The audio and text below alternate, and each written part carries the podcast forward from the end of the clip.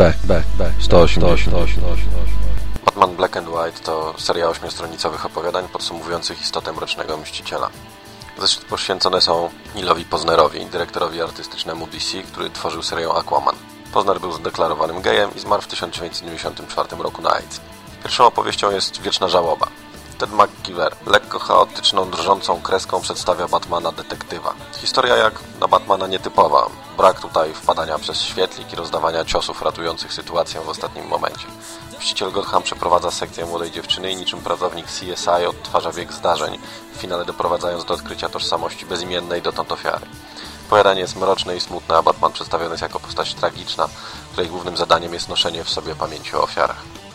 Ich dwoje, Bruce'a Tima, twórcy animowanych seriali o Batmanie i Supermanie, jest, można by powiedzieć, nie Batmanowska. Jest chyba jednak najbardziej psychologiczna. Tim przedstawia nam tu Face'a wyleczonego fizycznie, jak i psychicznie przez piękną panią doktor. I by było miło, gdyby nie zła siostra bliźniaczka.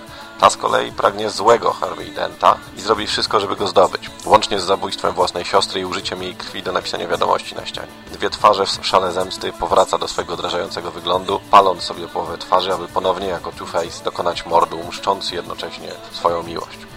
Joe Kubert, twórca szkoły komiksu, w polowaniu sięga po mityczność postaci Mrocznego Rycerza. Jego historia, jak żadna inna, pokazuje powody, z których postać Batmana budzi strach wśród przestępców. Mściciel Gotham to tutaj postać legendarna, śpiąca z nietoperzami, przemierzająca Gotham w poszukiwaniu żeru, przestępców, których można ukarać. Mamy tutaj klasyczne wpadanie przez okno, celne uderzanie w podbródek, ale także nieklasyczny strach widoczny i złodziej, kiedy kule wystrzelone w kierunku Batmana nie robią na nim żadnego wrażenia. Całość kończy się jak udane polowanie, powrotem do jaskini, aby tam czekać na następną okazję. Drobne wykroczenia Howarda Kina pokazują trochę inną genezę faktu, że Batman nie zabija, niż wspomnienia z dzieciństwa. W mieście pojawia się dobry obywatel, wymierzający na własną rękę sprawiedliwość. Stosuje najwyższy wymiar kary – śmierć. Nawet za najmniejsze przewinienia. Chaikin pokazuje, że to nie jest droga na zaprowadzenie porządku, ponieważ takie działanie prowadzi tylko do eskalacji przemocy, a nikt, obojętnie po której stronie prawa stoi, nie może u sobie uzurpować możliwości decydowania o życiu innych. Kolejnym komiksem jest Diabelska Trąbka według scenariusza Archie Goodwina z rysunkami Jose Minosa.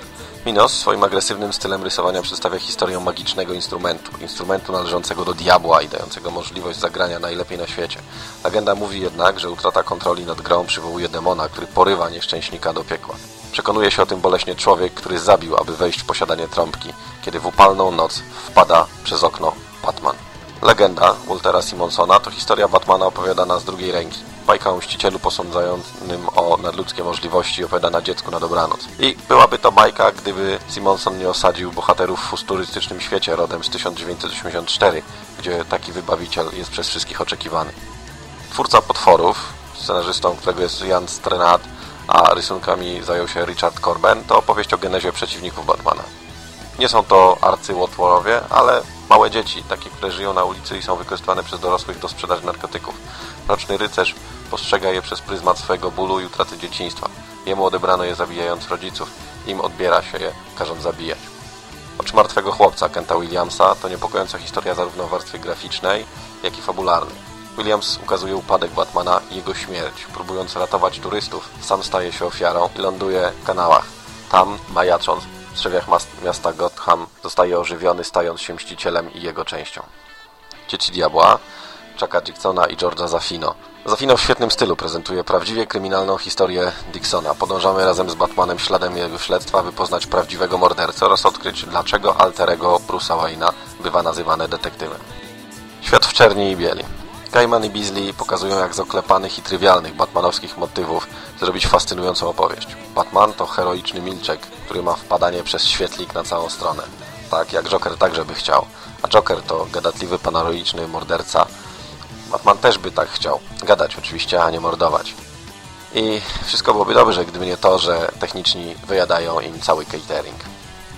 Podsumowując, Black and White to bardzo dobra antologia i Prawdopodobnie każdy, kto lubi spojrzeć czasem na swoją ulubioną postać z trochę innej strony, powinien znaleźć tutaj coś, co go zainteresuje.